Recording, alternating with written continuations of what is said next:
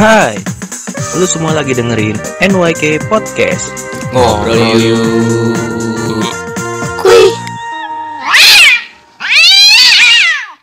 Ngobrol yuk. Kuy. Halo semua, Assalamualaikum warahmatullahi wabarakatuh Balik lagi nih sama kita di. NYK Podcast Eh, Maaf nih, minggu lalu sempat absen Gegara, ya mo- mohon maaf eh, Padat kehidupan Eh, eh, iya gitu lah pokoknya lah. Maaf ya guys Sibuk lah. Habisnya padat. Nada menambah pekerjaannya jadi kita kayak uh gitu Emang parah Ada Nada sekarang empat pekerjaan. Iya, Nada kayak udah 12 deh Anjir. Eh, Ini gimana San? Jadi nih hari ini gue membawa teman kita yang lain nih. eh namanya Avalia Maidi Hatika. Nih si Maidi ini teman gue SMA lagi. Eh, eh, satu geng sama cewek gue lah. Asik gue cewek gue enak banget ngomongnya dah. Asik. Baik. Jadi baik. Medi ini seorang marine enthusiast and environmentalist. Yoi, mentalis, mentalis. Awam banget. Gua awam nih. Baru denger. Jadi eh Medi itu eh, dia ini seorang penggemar kelautan dan pecinta lingkungan. Ya, Sedap. dia juga seorang yang berdedikasi di Greenpeace. Apa tuh Greenpeace? Indonesia. Greenpeace Indonesia. Kalau lo nggak tahu Greenpeace, coba lo googling Greenpeace Indonesia. Ada ada teknologi namanya Google. Dia ini tergabung di Ocean Defender dan dive team di NGO Greenpeace Indonesia. Bener ya, Mei ya? Eh, benar. Gila, gila, gila. Jadi ya daripada gua ngomong mulu kan, ya langsung aja, Mei. Kenalin diri lo dah, Mei. Hai, halo semuanya. Ya, jadi maaf gue eh merasa terhibur dengan. Udah lama kan kita tidak berbincang, Mei.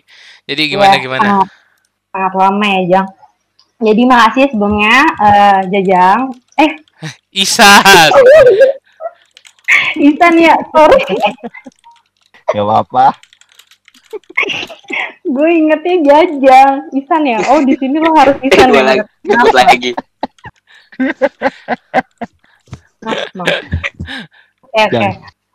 Ya, jadi makasih Isan yang Ah, pacar cakep deh. temen gue ya kan udah ngajak gitu ya? ngobrol-ngobrol di channel podcast ini nah so kenalin tadi makasih udah dikenalin sama Jaja Isan, Isan iya, kenapa sih gue Jaja mulu Isan ya. Ya, Kenalin sama Isan. Makasih udah dikenalin sama Isan nama gue kalian bisa manggil gue Medi nah em, sebenarnya dari yang perkenalan Isan tadi itu Isan ada satu yang kelewat Apa di tuh? Greenpeace itu gue pertama kali itu di Greenpeace Youth nah baru Ocean Defender kemudian baru Team gitu Hmm. Hmm. orang ini Eh, terus Mei, kalau misalnya lo kan ini udah lama banget berkecimpung di apa tadi Greenpeace Indonesia. Eh, Oh. Bisa diceritain nggak gimana awalnya lo bisa masuk ke Greenpeace? Itu kayak kenapa dan ah, ngapain sih gitu loh? Kayak emang lo nggak ada nggak ada nggak ada cita-cita lain gitu? oke ceritanya jadi sebenarnya itu long story banget ya kita flashback ke lima tahun ke belakang Mm-mm. Jadi awalnya itu gue kan kuliah di UI nih. Terus waktu itu gue kebetulan eh, di jurusan biologi. Nah, di di fakultas gue itu Fakultas Matematika dan Ilmu Pengetahuan Alam, mereka lagi ngadain kayak semacam seminar seminar lingkungan gitu deh. Pokoknya gue lupa apa. Udah lima tahun juga ya, nggak ingat. Mhm. Oh, di situ si Greenpeace ini buka booth nih dia. Nah, gue tertarik dari kejauhan gue lihat wah apa nih eh, ada rame-rame gitu kan. Terus eh, mereka pasang booth emang yang menurut gue eye-catching banget sih dan itu tuh kayak supportly uh, wah lingkungan abis gitu. Penasaran lah gue. Terus akhirnya gue datang ke booth itu, terus gue tanya-tanya gimana-gimana aja, ngapain aja, ngobrol banyak di sana. Kebetulan mereka uh, juga ada beberapa relawan yang udah jadi relawan Greenpeace di booth itu dan ada juga beberapa campaigner yang datang. Nah terus Hmm. uh, setelah ngobrol banyak, uh, akhirnya gue tertarik tuh sama mereka dan gue kayak uh, apa ya mendorong gue coba lah lo daftar gitu. Terus ya udah terus ada salah satu orang entah itu gue lupa uh, rekan relawan juga atau memang staffnya Greenpeace ya dia ngajak gue untuk bergabung ke Greenpeace itu. Ya udah akhirnya gue isi formulir isi form Hmm. gue isi udah tuh kelar ending. Ya udah udahlah berakhir lah pertemuan itu dengan si per Greenpeace ini. Nah terus eh kayak honest, gue juga nggak terlalu apa ya nggak terlalu berpikir eh, gue diterima nggak ya? Terus eh, tindak lanjutnya gimana ya gitu. Terus kayak ya udah sering berjalannya waktu eh, tiba-tiba gue dapet SMS karena kayaknya lima tahun belakangan itu lima tahun ke belakang lah. Istilahnya kayak belum terlalu ngehits ngehitsnya WhatsApp zaman sekarang kan. Masih SMS atau telepon gitu kan. Ya udah terus akhirnya gue dapet SMS eh, SMS itu kayak menjelaskan gitu bahwa gue tuh diundang untuk eh, datang ke kantornya mereka seneng dong akhirnya kayak oh berarti eh, istilahnya ya ada undangan lah dari mereka ada tindak lanjutnya gitu kan Hmm. Nggak cuma daftar doang terus lupa. Iya, cuma daftar doang terus hilang gitu kan. Ya udah terus akhirnya eh, setelah dapet SMS itu pas nyampe kantor ternyata ada ada cukup banyak lah orang-orang yang eh, daftar Greenpeace ini dari kegiatan kampus gue waktu di FMIPA itu. Terus ternyata ada beberapa teman gue juga yang satu jurusan sama gue. Ada ya kurang lebih ada lima orang deh terus kayak kita nggak tahu bahwa ternyata tuh itu temen kita gitu loh jadi kayak emang ya orang-orang tertentu aja yang tahu dan di SMS tapi kita nggak ada janjian ternyata ada juga sebagian temen gue yang ikut gitu nah terus seiring berjalannya waktu akhirnya adalah tuh nah, yang namanya proses seleksi alam Hmm. ya kan Hmm. pasti kan kalau misalnya kalian ikut satu kegiatan atau bervolunteer ada Pasti. seleksi alam juga Iya, kan udah udah pasti tuh. Ya, dari mana-mana apa Iya, aja iya, iya. benar. kegiatan apa pun Ya, tuh. Terus akhirnya teman-teman gue yang memang satu jurusan dan seangkatan sama gue, mereka berguguran gitu. Kayak ya udah nggak ada yang lanjut lagi ya. Mungkin kan memang masing-masing orang kan punya kesibukan masing-masing kan. Yang Iya. mana yang prioritas, yang mana pilihan mereka udah tukar. Terus in the end mereka berguguran. Akhirnya eh, gue lah yang masih menetap sampai sekarang di situ gitu. Hmm. Terus kalau misalnya Hmm. lu, sen- lu, sen- lu sendirian tuh. ya sendiri Oh. Jadinya jadinya dari lima orang itu ya adalah di dalam satu tahun 2015 itu beberapa temen gue yang masih ikut tapi kayak seiring berjalannya tahun pergantian tahun 2016 udah gue sendiri terus gue jadinya gabung sama apa sih bahasanya Fortin pengurus pengurus dari Greenpeace Youth itu terus berikut berikutnya lanjut terus 2016 gue masih di Greenpeace Youth terus 2017 gue masih di Greenpeace Youth juga. Mulai 2018 gue udah masuk kayak unit yang apa ya unit yang lebih spesifik lah. Hmm. eh, ininya. Naik level lah ya. i- sebenarnya nggak naik level juga sih kayak volunteer sama. Cuman kayak apa ya lebih spesifik interestnya gitu loh. Ke Oh. Ocean Defender ini jadi tuh si Ocean Defender ini dia Hmm. yang lebih mengarah ke eh, campaign-campaign laut karena kalau Greenpeace Youth itu dia general kan ada berbagai Hmm. macam jenis campaign di Greenpeace ada ocean ada forest ada climate ada toxic gitu. Hmm. Nah kalau yang ocean defender ini Oh, gue lebih kayak di kuliah penjurusan. Iya iya itu. Kok, lucu sih dia ada penjurusannya gitu? Serius kayak gitu Ya, terus, emang. terus. Ya cobalah kalian jika ingin menjadi volunteer Greenpeace. Sudah terlalu berat. Sudah terlalu berat untuk mengikuti hal Sudah seperti itu. Udah gak mampu gitu ya. Dulu Gerapala tuh dulu tuh. Iya, iya, iya. Benar.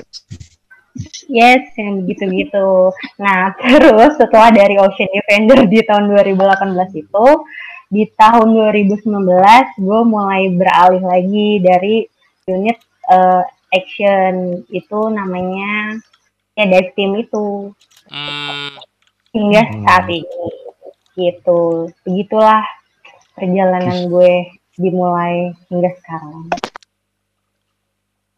Itu lu di Greenpeace kapan aja gitu? Medi. itu di Greenpeace ngapain aja Ba- banyak sih saking banyak gue lupa kayaknya jadi tuh Iya, inget, inget. ya bayangin aja bayangin aja pak. Itu lima tahun kan? Kayak kuliah nggak? Banyak tuh gerakan gak pentingnya tuh. tapi banyak juga yang pentingnya aja Misal, jadi kalau misalnya untuk aktivitasnya ngapain aja kayaknya gue ceritanya dari masing-masing unit ya. Soalnya beda-beda aktivitasnya dari masing-masing unit itu. Jadi ketika gue di Greenpeace Youth itu kan namanya aja youth ya. Anak-anak muda semua isinya kan. Eh, yang berjiwa-jiwa muda gitu. Terus rata-rata sih emang mayoritas banyak yang kampusan juga. Kayak gue pada waktu itu gue masih kuliah kan. Lebih banyak Hmm. tuh visit school jadi kayak kita tuh ngedukasi sekolah-sekolah lah SD SMP gitu Oke penyuluhan gitu ya. Workshop gitu ya. ya ya kayak kayak Oh. workshop gitu menyuarakan tentang lingkungan gitu kan itu kalau youth terus kalau si Ocean Def- waktu gue di Ocean Defender ini lebih banyak ke eh, campaign-campaign yang agak sedikit eh, apa ya bahasannya sedikit berat kali ya dibandingin si ini Hmm. Eh, Oh, oke, oke, oke. ya sedikit lah kayak lebih apa ya lebih Lebih serius lah. Ya lebih serius lah dibandingin Next step, si Yacht next ini. step. Ya next step gitu. ya. Heeh. Nah terus waktu itu juga antara Greenpeace Youth sama Ocean Defender kita pernah kayak collab gitu kolaborasi buat ngadain riset dan itu suatu hal yang apa ya yang cukup menarik sih buat gue karena gue kan memang basicnya biology science ya Hmm. terus kayak ada riset Mhm. itu ya senang aja bisa tergabung dalam riset itu dulu waktu itu risetnya riset tentang kayak uh, marine debris gitu kayak sampah Apa tuh? plastik sampah plastik Heeh, kan di Wow. Indonesia tuh kayak mantap gitu kan.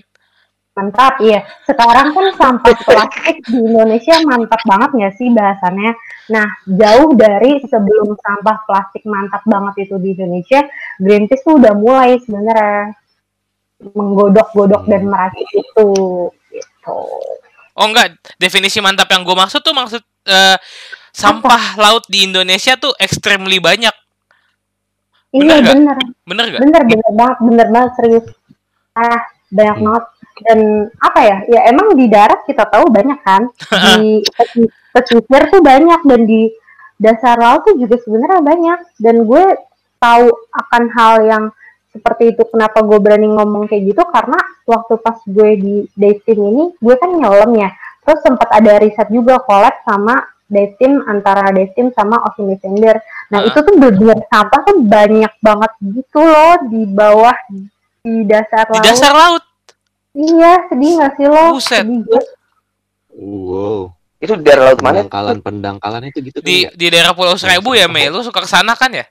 Iya, kalau kalau kita sih teman-teman Greenpeace lebih banyak mainnya di Pulau Seribu karena yang jangkauannya dekat dari kota kan.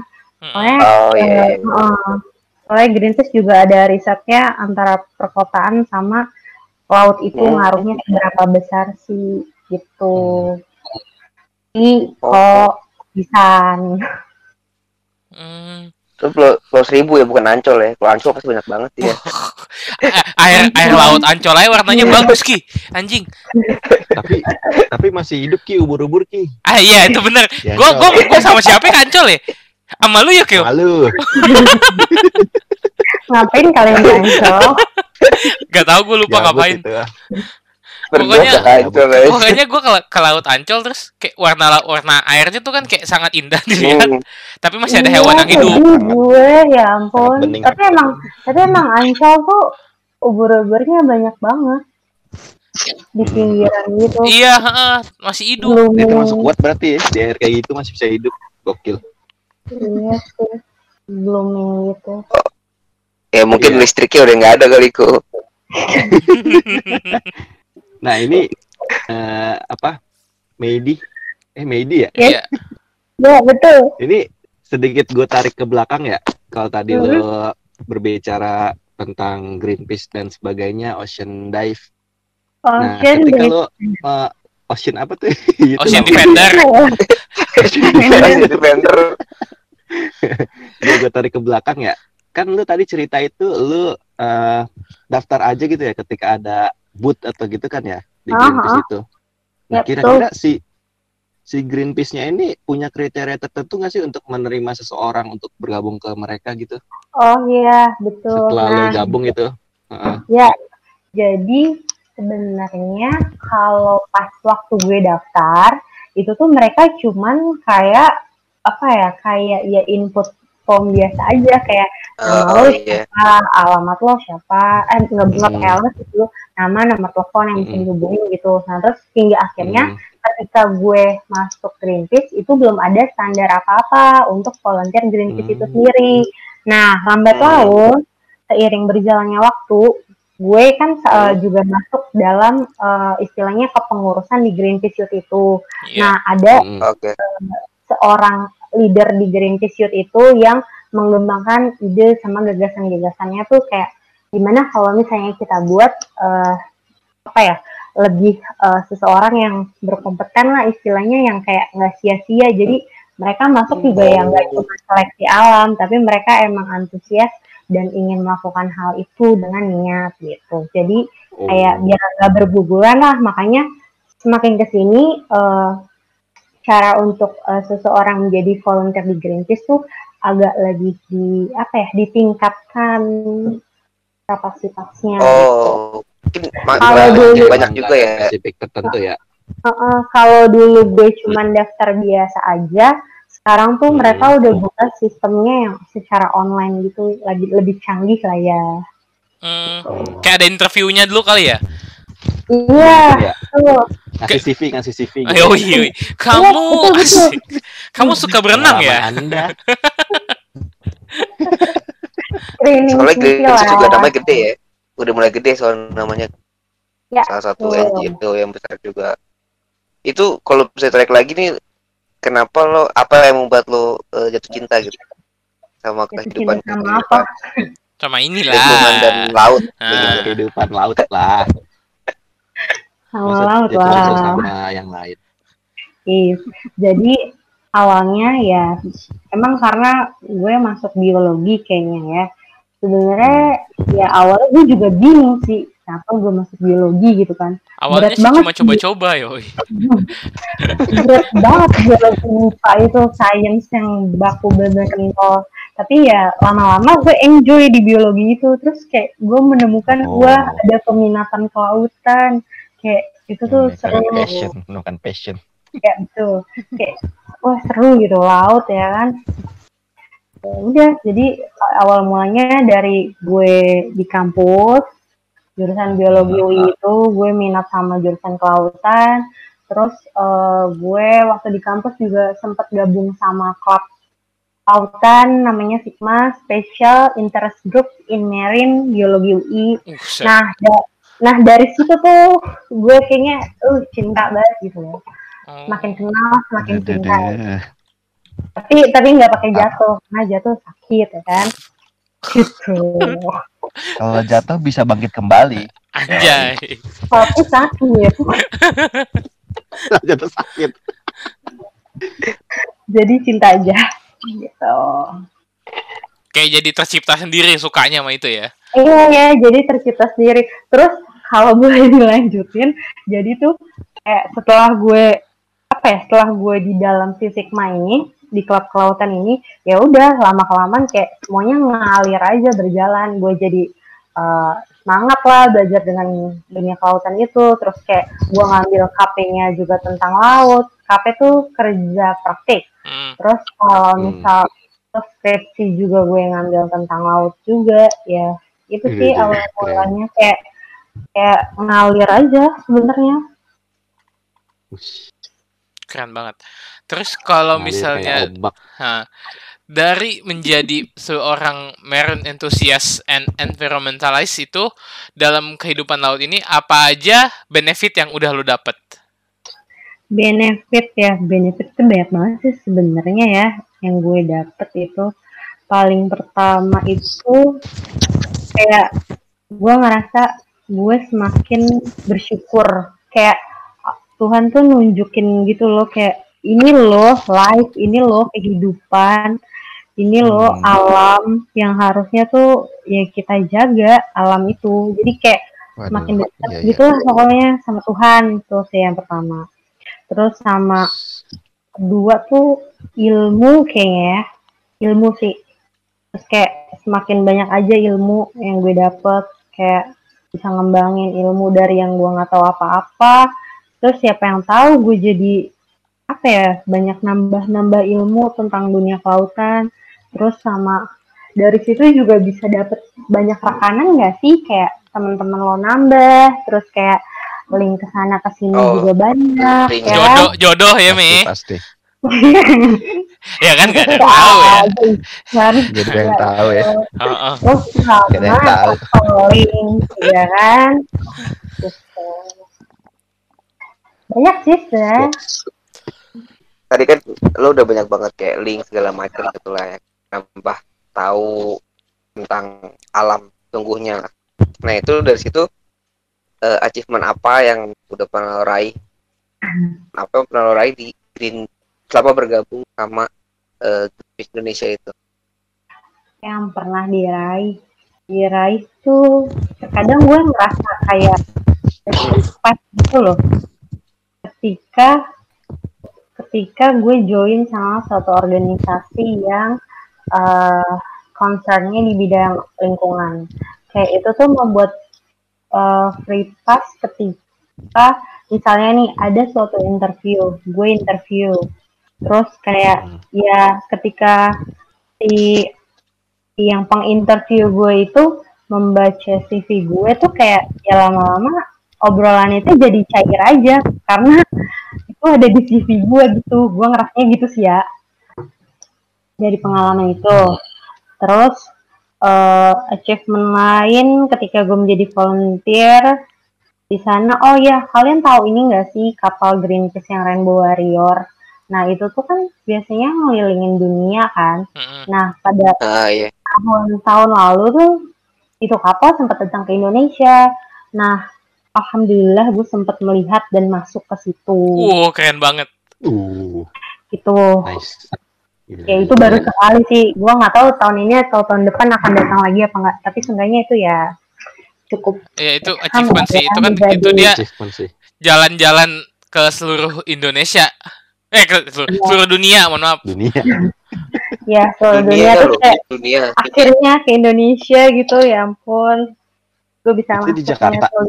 Keren sih di Jakarta sih di Oh, kok, kok gue lupa dia mendaratnya di mana ya Jakarta Mendarat pokoknya Hmm. eh mendarat melabuh mendarat di Jakarta tuh udah lama banget udah tahun tahun lalu ya itu sih oh. sama achievement achievement apa lagi sama itu sih yang Isan tadi bilang sih Apa?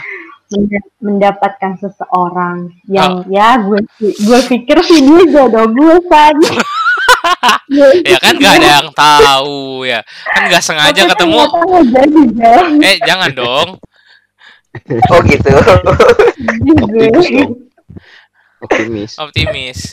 ya udah nggak usah dibahas ternyata belum dijodohkan jam Ya Allah jadi ini gak sengaja. Gak apa-apa. Gak apa-apa. Ah. Maaf guys, saya tidak tahu. Oke, kita lanjut. Lanjut, Kegi- lanjut nih ya. Kegiatan- kan ya, lu Oke, kick off dulu. Ah, ah, apa? Lu apa gua nih? Ya udah, sweet dah sweet. Gue jempol, lu dulu kok. Gue kelingking. Oke, gue duluan.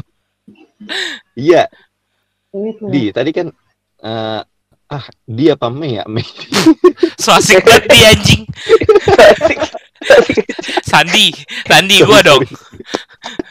Lu kayak mau semua narasumber so asik deh kok. iya iya Medi. Tadi kan lu sempat bilang ketika achievement yang lo raih itu salah satunya tadi ketika lo di interview sama orang kayak nyambung gitu ngobrolnya ya. Nah emang eh selain di Greenpeace ini lo ada pernah berkecimpung di karir secara formal gitu? Pernah nggak kerja secara formal gitu di mana aja gitu yang nggak berhubungan sama ke laut-lautan gitu Hmm, atau harus kelautan juga lu kerja formalnya. Heeh. Ini nanyanya berarti karir gue yang non formal atau formal? Yang formal. Ya, ada Yang Ya, ada Yang di, formal. lu- yang di luar kelautan Formal. atau lingkungan. Yang di luar ah tuh, yang di luar kelautan atau lingkungan. Formal ada, tapi kayaknya yang formal di luar kautan belum pernah deh gue. hmm. Serius. Jadi selama lo udah lulus ini, lo selalu berkecimpung di dunia yang berhubungan dengan laut. Hmm, honest sih iya ya. Hmm, Hmm. sekarang sih kerjaan gue sebenarnya saat ini gue communication.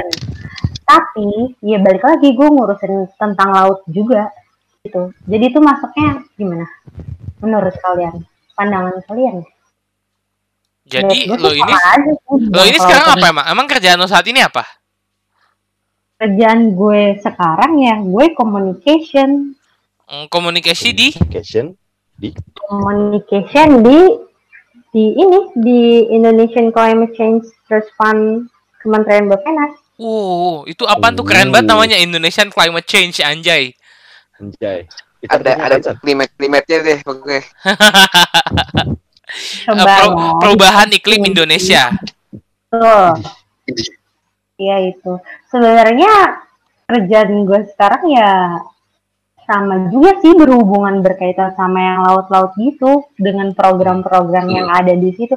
Cuman ya bedanya gue bagian communication gitu kan. Oh. Nah, masih sebenarnya menurut gue sih masih berhubungan dengan laut. Gue sejauh ini belum pernah menyentuh suatu kerjaan yang di luar dunia kelautan ya. Ya, Iya, gitu. Oke. gitu. Oh, berarti nggak pernah ya kerja di luar situ ya? Jadi lo selama Oh. ini hanya Laut. bekerja di bidang ya udah laut, laut, laut, laut, laut gitu ya, Mi. Laut, laut, laut. Iya, benar. Kalau nyoba sungai nggak pernah danau gitu. Apaan sih? Iya, iya, tapi eh, Hmm. walaupun itu pertanyaan tolol, tapi itu ada nggak, Mi? Kayak lo kita menyelamatkan sungai. Kan di Indonesia sungai Iya iya. bukan sungai, ka- kali kali. lah, kali kali ya. Kali Kali. kali Iya, ya. betul.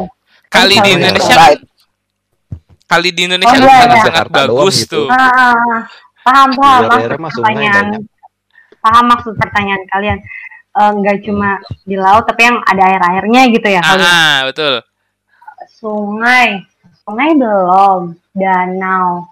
Paling gue main ke danau UI, bukan kerja. Tapi Danau da- danau dan danau UI Gede. aja, Serem, serem danau. UI aja wangi. Wangi. Wangi kembang maksudnya. Enggak, bau katanya. Banyak sampah juga di situ. Oh, sampah sudah tidak ada. Sudah bersih sekarang. Cobalah kalian main ke UI. Jauh Depok Oh. macet. Yang bersihin Greenpeace juga itu. Enggak, Greenpeace belum ranahnya ke situ. Hmm. Tapi iya sih kayaknya kayaknya emang gue belum berani deh untuk mencoba mengambil keputusan untuk melakukan suatu pekerjaan di luar dunia kelautan karena ya rata-rata sih selama gue bekerja di yang udah-udah kayak dulu kan sebelum di sini gue pernah di Jakarta Aquarium ya. Iya. Sebagai Ah. apa tuh? Laut-laut juga tuh ya. Itu gue terima sebagai- apaan tuh? Itu gue sebagai aquaris. Itu ngapain? aquaris itu Bersihin Aquarius akuarium. itu, ya salah satunya itu. Hah, beneran? Serius? Ah, ah, itu- itu kan akuariumnya gede anjing. Nggak kayak kalau kayak Iya, akuarium rumah kan si gosek doang sekali bersih. Iya, makanya itu itu juga gue happy banget bisa kerja di sana. Kayak Wow. apa ya? Kayak gue sempet sempet pernah punya kayak gambaran kayak apa iya ya gue nyoba untuk gue kerja di akuarium ya kan kayak ngurusin ikan, ngerawat satwa, terus kayak ya udah ternyata ngalir lagi itu bisa gitu sih. Hmm, Itu Uh. ceritanya. Mainlah ke Jakarta Aquarium, mahal. lihat. Ada free pass gak dari lu? Dia- dia- dia- dia bayar. lah, Itu bedanya sama SeaWorld apaan ya? Ya, akuarium Bedanya. raksasa itu. Tentunya beda manajemen dong. Beda ki Di kalau luar manajemen. SeaWorld luar SeaWorld doang kalau kalau aku Jakarta Aquarium dalam mall. Tapi itu seru sih seru banget. Itu ikannya apa aja yang lu piara? Eh, lu piara. Yang lu rawat di Jakarta Ada banyak banget. Kalau misalnya gue ceritain satu-satu nih sampai pagi, sampai besok. Main lah ke sana Yang pasti makanya. ikan ikan laut ya? Yang pasti ikan ikan Eh, laut ya? Ikan laut iya, ikan air tawar juga ada kok. Hewan Oh, darat juga ada. Heeh. Iya Hmm. nih, gue pengen miara ikan soalnya. Lu mau aquascape kali. Iya, beda beda Oh beda. iya, Beda skala, beda skala kok. Oh beda sekali. Mantap Siap, tuh, siap, siap. tahu kamar. Mm-mm. Terus Medi, lu Ya. kan apa identik ya identik maksud gue kayak lu di Greenpeace eh, lingkungan lah. Lu merasa ada beban sendiri nggak sih sebagai orang berkecimpung NGO NGO yang lingkungan gitu dengan kehidupan sehari-hari gitu. Apa lu bener-bener kayak aduh gue nggak boleh buang sampah nih, misalnya ada sampah sedikit lu buangin ke tong sampah sampai segitu ya nggak sih? Oh iya, yang jiwa-jiwa kayak gitu ya maksudnya ya. Ah, iya. Hmm. Ya, Sebenarnya awal mula ya, awal mula gue masuk bergabung sama organisasi itu mungkin jiwa gue nggak kayak gitu kayak duh ini apa sih masa iya gue harus kayak gini gitu kan kayak Hmm. ribet gitu kan terus kayak lama-lama tuh mungkin karena bawaan pergaulan kali ya gue bergaul sama mereka terus kayak lama-lama ya mindset gue changing aja jadi kayak berubah dan itu jadi kayak kebiasaan jadi kayak ka- sampai sekarang tuh kadang kalau misalnya gue kayak ngeliat orang buang sampah barangan ya hal kecil itu kayak gemes aja ngeliat dia kayak dunia orang kenapa sih gitu Hmm. Jadi lu sendiri jadi nggak suka kalau misalnya lihat orang buang sampah sembarangan. sebenarnya ya bisa dibilang nggak suka karena ya Hmm. Kenapa sih melakukan hal itu semudah itu loh gitu kayak buang Hmm. sampah doang udah gitu sekarang kan sampah kan banyak banget Iya. udah nggak tahu Oh, juga kan oke. mau kayak gimana susah Iya apa Jadi akhirnya kesadaran itu timbul sendiri dalam diri lo dan jadi kebiasaan gitu ya. ya kar- mungkin karena emang bergaul dengan lingkungan yang seperti itu kali ya Oh. jadi lama-lama kayak kebiasaan gitu sih Tapi lo tipe orang yang langsung negor orangnya nggak sih saat orang lagi buang sampah sembarangan? Sebenarnya ya. Gue tipe orangnya yang gak, yang gak enakan sih kalau negor serba salah dilema gak sih lo? Gue gondok tapi gue gak enak juga negornya kan. Kayak iya, takutnya dia sakit hati atau bete atau gimana semoga. Ya kadang sih gue cuma ngeliatin doang. Kayak gue aja mau salah sembarangan. Terus gue bener-bener ngeliatin aja ngeliat yang muka kayak apa sih lo kayak gini ya lama-lama kan dia juga nyadar nah, itu itu lebih lebih ke ngeliatin dengan pelototannya Jadi lebih ke Indosiar lah pokoknya mata Indosiar gitu. Iya. Tinggal kamera aja ngezoom ke muka kan.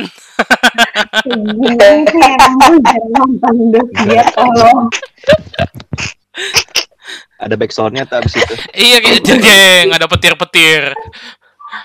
Oh, Ya, jadi jadi jadi jadi sebenarnya sembarangan. sebenarnya gue nggak masih belum berani untuk menegur itu mungkin karena yang gue lihat lebih banyak orang tua ya yang buang sampah sembarangan gitu. Tapi kadang kadang kalau misalnya kayak bocah gitu atau yang umur di bawah gue, gue masih berani kayak kayak negor baik-baik. Eh kenapa? Itu ada tong sampah gitu lah pokoknya yang Oh. Sehalus mungkin. Tapi kalau untuk yang orang tua gue masih belum berani sih kayak gue cuma ngeliatin diem mereka doang sampai dia nyadar. Kalau udah sadar udah lupain aja gitu. Kad- kadang pernah loh kadang pernah kayak di suatu tempat kayak itu bersih banget terus orang itu buang sembarangan terus gue kayak ya gue ngambil kan lu aturan kalau lu ambil lo, lo balikin. Mas mas ketinggalan nih. Gitu aturan me. Lo ambil Iya, doang mah. dia ngulangin lagi. Nggak punya akhlak. Yang bersih. Iya sih bener. Ya mungkin next time kali gue coba kayak nah gitu. boleh coba me. Kayak terima kasih. sarannya. Ya daripada ini kan lu gondok sendiri. Mending dia aja yang gondok.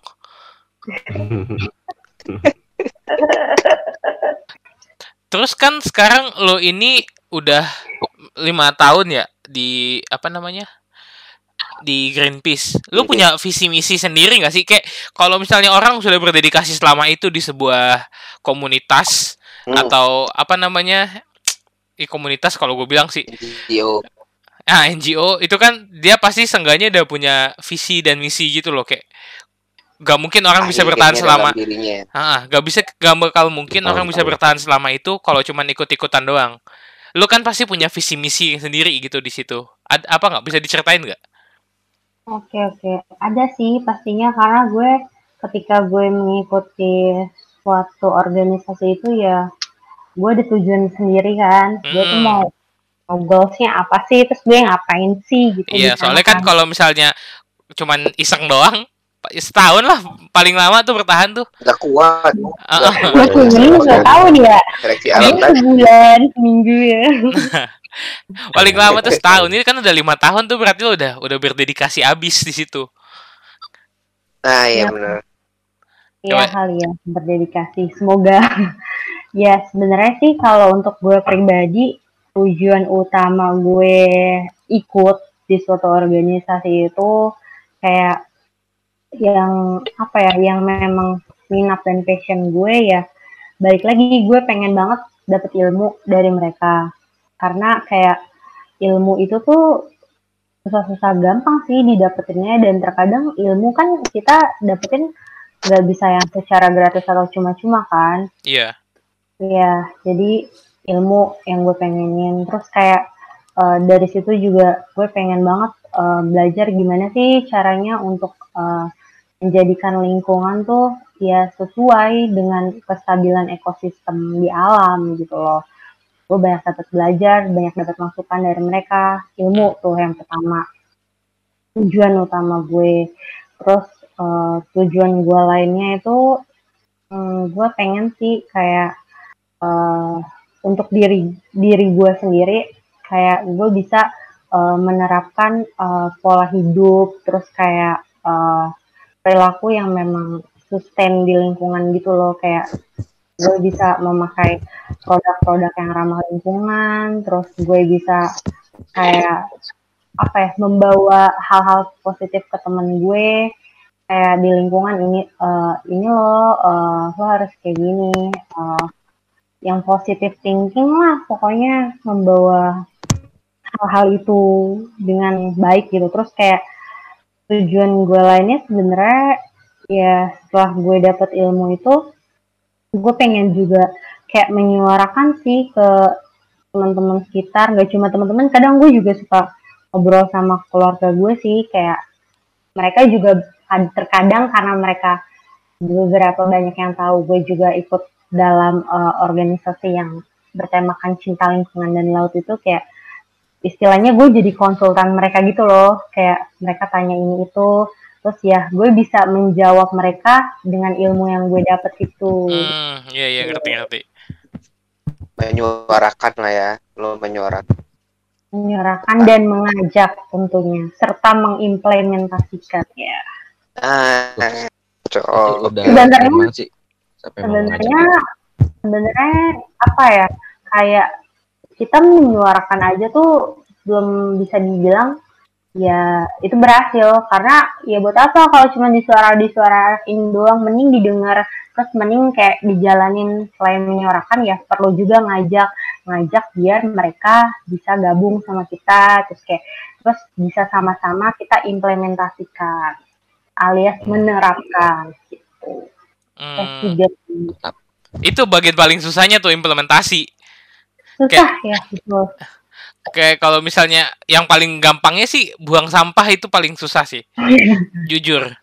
Gua sendiri masih suka buang sampah ke genteng. Ngapain jang? Karena kan gua anaknya apa buang sampah ke genteng San? buang gigi kali lu. Numpukin astagfirullah. enggak kan karena gua kan di di atas nih di kamar nih kamar gua di atas terus kayak gua super malas turun ya udah gua buang Hmm. sampah ke genteng aja gitu kayak ya itu Terus kan nyokap lo ngomel. kan nggak tahu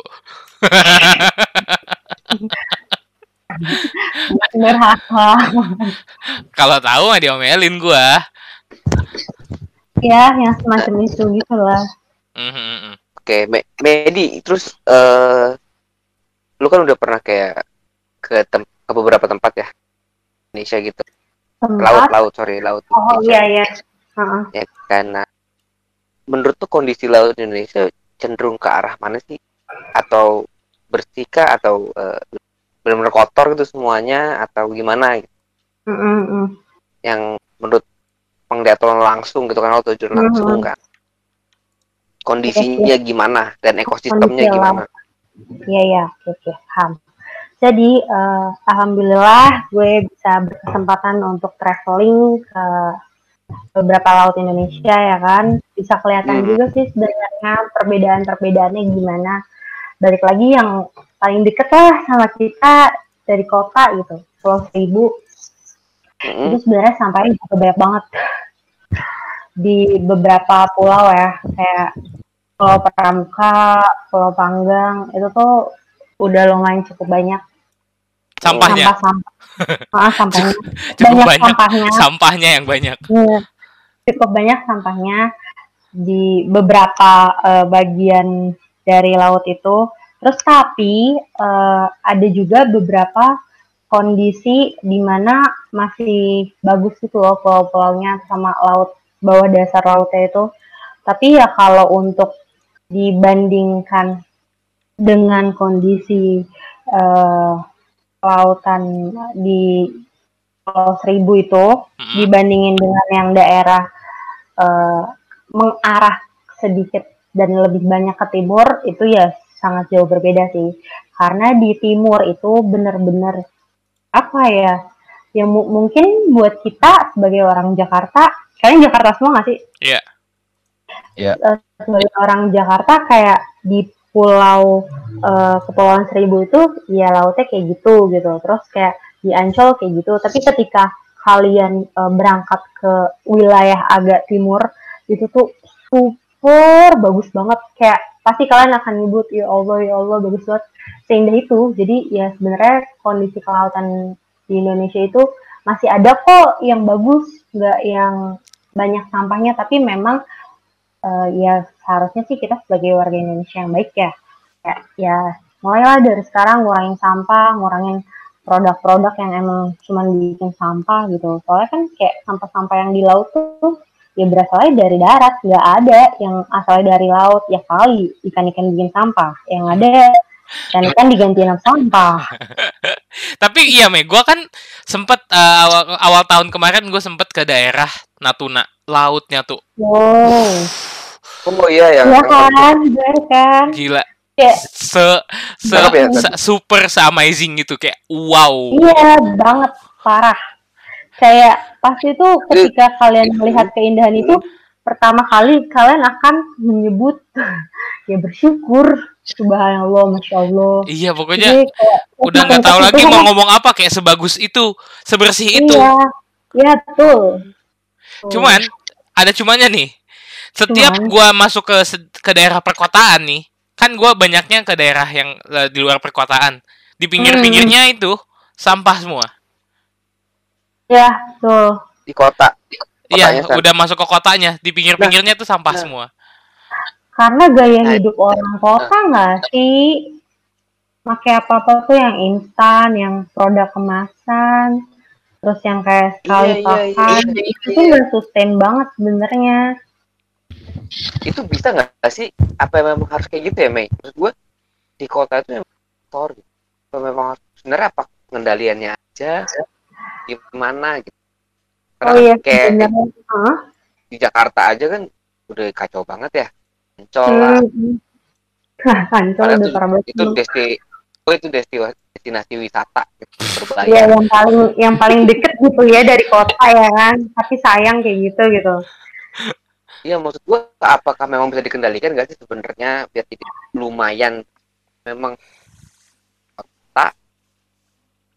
Sebenarnya ada kalau kajian-kajian gitu di Greenpeace ada yang tadi gue bilang yang youth ocean defender terus kayak Mm-mm. tim Swam sama ocean defender yang kita bikin riset tentang sampah itu Mm-mm. Nah, itu tuh ada kajiannya sebenarnya.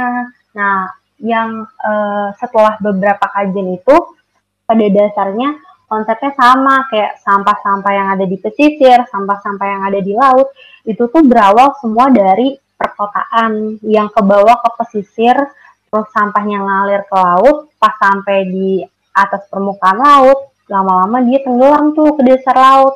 Jadilah ngendep sampah-sampah itu, gitu. Nah, terus kalau misalnya untuk pengendalian itu sendiri gimana?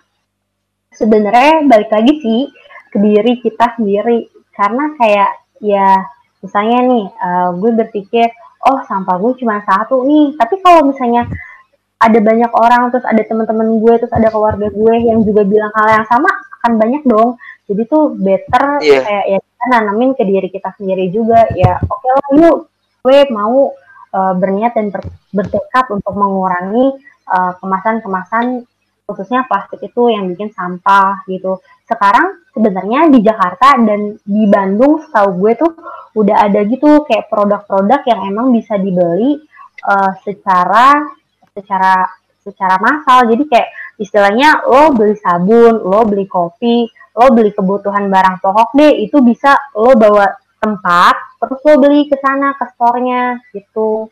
Jadi lo nggak menggunakan uh, kemasan lagi. Jadi memang benar-benar lo bawa wadahnya dari rumah, terus ya lo beli di situ. Jadi nanti mereka tinggal nakarin mau seberapa banyak gitu. Itu sih itu yang lagi mau gue coba terapin sih di rumah. Soalnya nyokap bokap juga setuju sih. Mereka juga ngerasa ya boleh lah melakukan hal itu daripada terlalu banyak juga menimbun sampah kan di rumah. Hmm, Gitu. stop menggunakan barang-barang yang wa- waste. oh itu cara pengendaliannya ya cara langkah awal preventifnya biar enggak nyampah nyampah banget lah lo ke laut itu caranya Jadi mulai dari diri sendiri baru bisa ke orang lain. Ya bener Iya, sih. betul. Kalau misalnya soal, ah, ah, ah. soalnya ketika lo ngajak ke orang lain tapi lo nggak melakukan hidup hal itu lo bisa diketawain iya lo Iya, kenapa iya, iya. ngajarin gue kayak gitu tapi lo nggak ngelakuin hal itu gitu kayak itulah itu buang sampah gitu aja gampangnya kan. Itulah. buang sampah ya udah hutan. Kayak gitu sih sesimpel itu jadi mulailah dari diri sendiri. Yoi. oh ya terus lu kan apa udah lama juga ya suka sama apa hubungan dan laut gitu. sampai lo kalau nggak salah ini pernah jadi putri maritim. Ya nggak sih? Finalis ya? Finalis. Finalis putri Indonesia maritim. 2000 Iya, berapa? jadi- 17 ya? 16 nah itu kalau oh nggak salah 16 oh, 16. ya itu udah lama Sampai- banget sih sebenarnya nah sampai lu belum udah jadi put- finalis put- dan lu akhirnya ngeliat ke seluruh Indonesia laut-lautnya yang apa sih yang pengen lo lakuin gitu, buat laut Indonesia buat laut Indonesia itu apa apa apa sih yang pengen lo lakuin Kayak apa cita-cita. Heeh. Oke ya, cita-cita ya. Eh, Sebenarnya kalau waktu gue jadi putri maritim Jakarta itu, itu jatuhnya perwakilan Jakarta sih karena hitungannya gue Ah. finalis Indonesia gitu. Wow. Sebenarnya dari sana apa ya? Gak, nggak terlalu banyak ini sih, nggak terlalu banyak untuk eh, mengunjungi lautan-lautan Indonesia. Cuman kayak kita tuh di sana tuh sebagai kayak duta maritim gitu loh. Balik lagi kayak menyuarakan, terus mengideskan, mengajak ya orang-orang tuh untuk suka sama laut, terus kayak Menyayangi laut gitu. Iya, yang kayak gitu-gitu nanemin sih sebenarnya soalnya kayak kalau mindset kita udah sama tuh gampang banget untuk implementasiinnya itu. Hmm. Nah, kalau misalnya kalau misalnya cita-cita cita-citanya cita-cita gimana maksudnya? Cita-cita untuk kelautan Indonesia gitu loh. Selama Oh, apa jadi bisa jadi ke menteri kemaritiman menteri laut kayak susah ya kan Hmm, karena lu punya Oh. kebijakan kalau jadi menteri lu punya Oh, iya. kebijakan kan enggaknya betul betul betul. Paham paham. Itu menarik sih memang menjadi seorang menteri ya kan. Tapi ya butuh proses dan waktu yang cukup panjang serta ilmu yang banyak ya kan. mm, Ya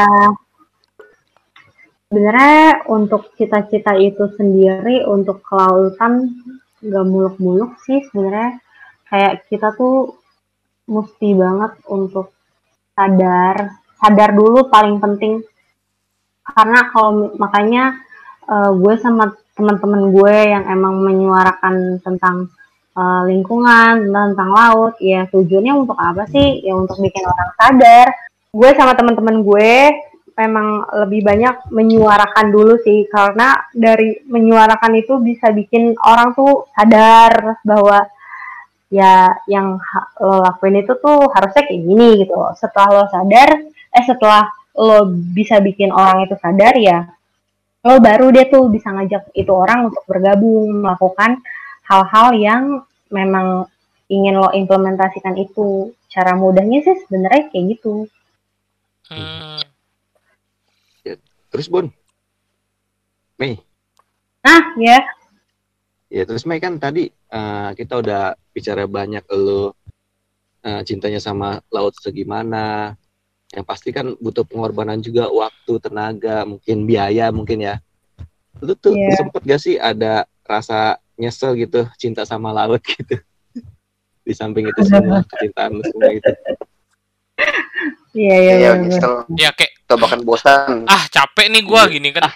Laut Capek Indonesia nggak per- laut Indonesia nggak Iya, bersih-bersih nih. Iya nih ah, orang-orangnya susah nih.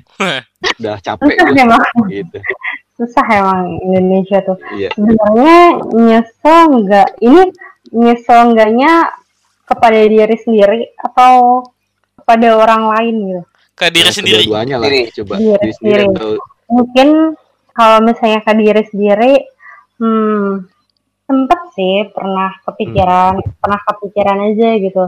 Kayak eh, apa iya ya gue salah secinta ini gitu sama laut. Toh kayak menurut gue tuh itu sesuatu hal yang wajar dan gue masih dalam konteks yang wajar menurut gue ya. Cuma nggak tahu deh pandangan kalian setelah mendengar cerita gue ini gimana.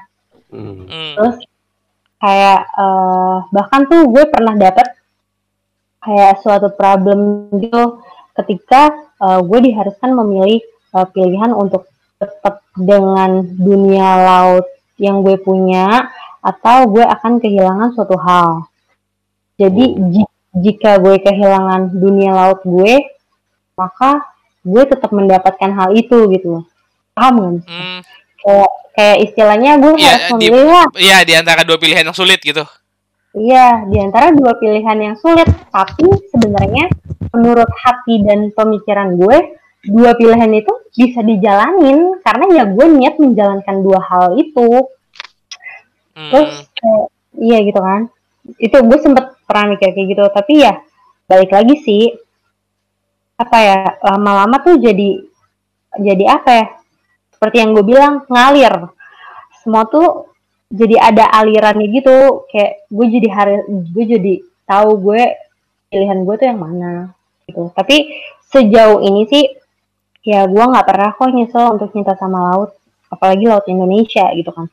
Kita tuh punya sumber daya kelautan tuh yang benar-benar kaya banget. Dan keanekaragaman Indonesia tuh hayatinya tuh benar-benar biodiversitas banyak banget ya. Ya lo harus bangga sih jadi orang Indonesia karena banyak yang mengincar kekayaan lingkungan kita coy Tapi kan Oh. banyak yang mau jual juga. Oh, siap. Aduh, aduh, aduh, aduh, aduh, aduh, maaf, maaf, maaf. Kalau mana lagi yang mau dijual? Ups. itu Kalau Maaf. mana lagi yang mau dimerdekakan? Ups. ya itu dia makanya kayak sebenarnya tuh kita kaya kaya banget kekayaan alam kita di darat di laut ya intinya biodiversitas kita banyak tapi kayak ya sayang-sayang aja banyak tangan-tangan yang nakal dan licik-licik Usil, itu usil. Kayak, iya kayak dijual demi kepentingan semata Wow. banyak lah nih Dijual. Kepentingan pribadi lah, bukan kepentingan mata. Oke, terus Mei, nih eh, lu Iya. kan orang yang bisa mungkin menyeimbangkan ya tadi lo kerjanya juga bisa secara formal buat kebutuhan lo, lo bisa aktif juga di eh, NGO lo gitu. Nah ini ada saran dan tips nggak nih dari lo sebagai orang yang bisa menekuni passionnya. Ya ini passion terlepas harus berdamai dengan keadaan karena harus tetap menjalani. Gimana saran dan tips lo? Biar Hmm, seimbang lo tentunya.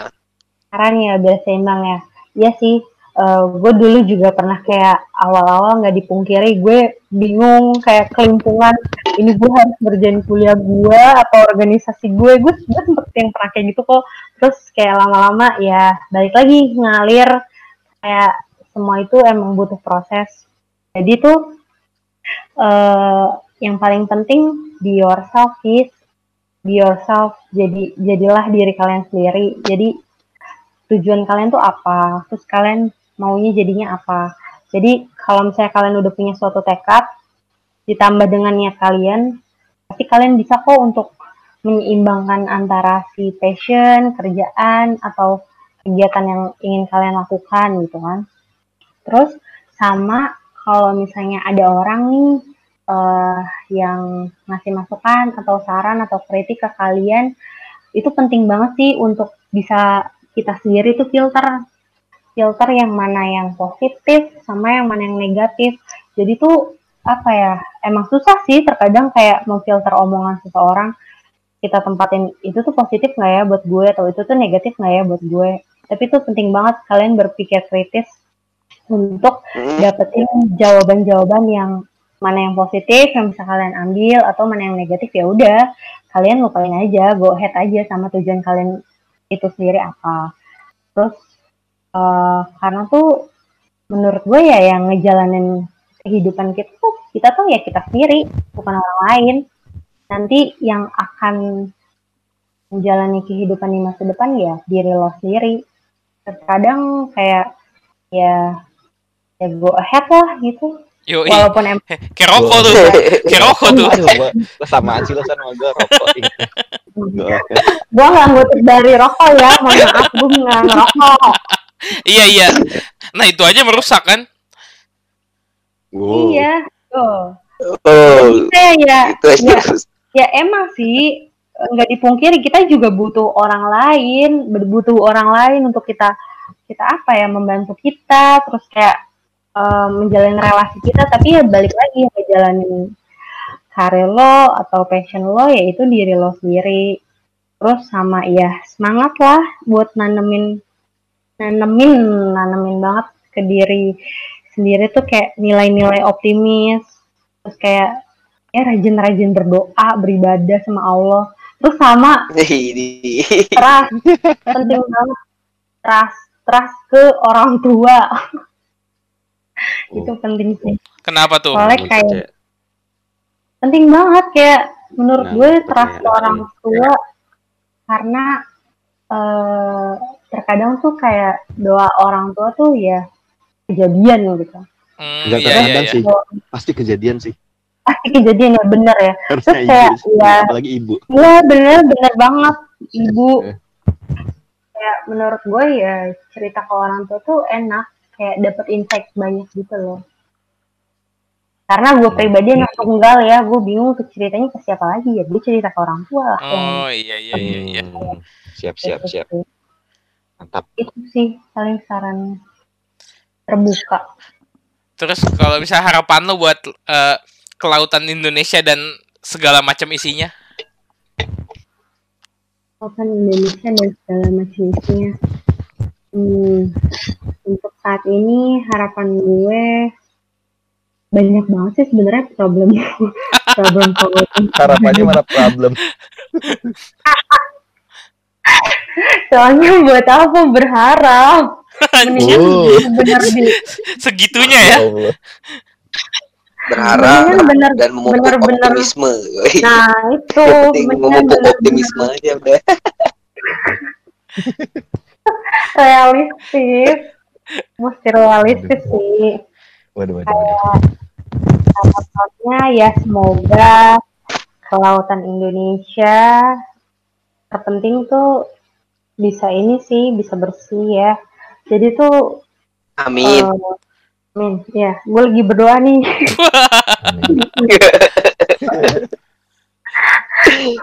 Yang paling utama bersih. Terus Mm. yang kedua ekosistem. Terus kestabilan eh, di lingkungannya tetap terjaga. Terus eh, kayak berkurang lah yang namanya illegal fishing itu. Hmm. terus kayak apa ya pengambilan pengambilan sumber daya alam yang dicuri istilahnya Waduh. atau Hmm. yang dijual oh, yang kayak gitu-gitu pokoknya negatif-negatif itu pudar dah hilang selama ya, kita tahu kan selama pandemi ini alam kita udah cukup banyak melakukan perubahan kan Heeh. Hmm. ya sayang sih kalau misalnya nanti ketika kita udah pulih lagi dari kondisi pandemi ini alam kita malah tersakitin lagi gitu Ya jadi kalau Tapi saran gue setuju, apa ki? gue setuju kata kata si Medi sih. Jadi di Indonesia tuh sebenarnya lautnya indah. Terus juga eh, tinggal di Indonesia tuh enak, ya kan? Ya karena di Indonesia ini hanya bisa memupuk optimisme aja.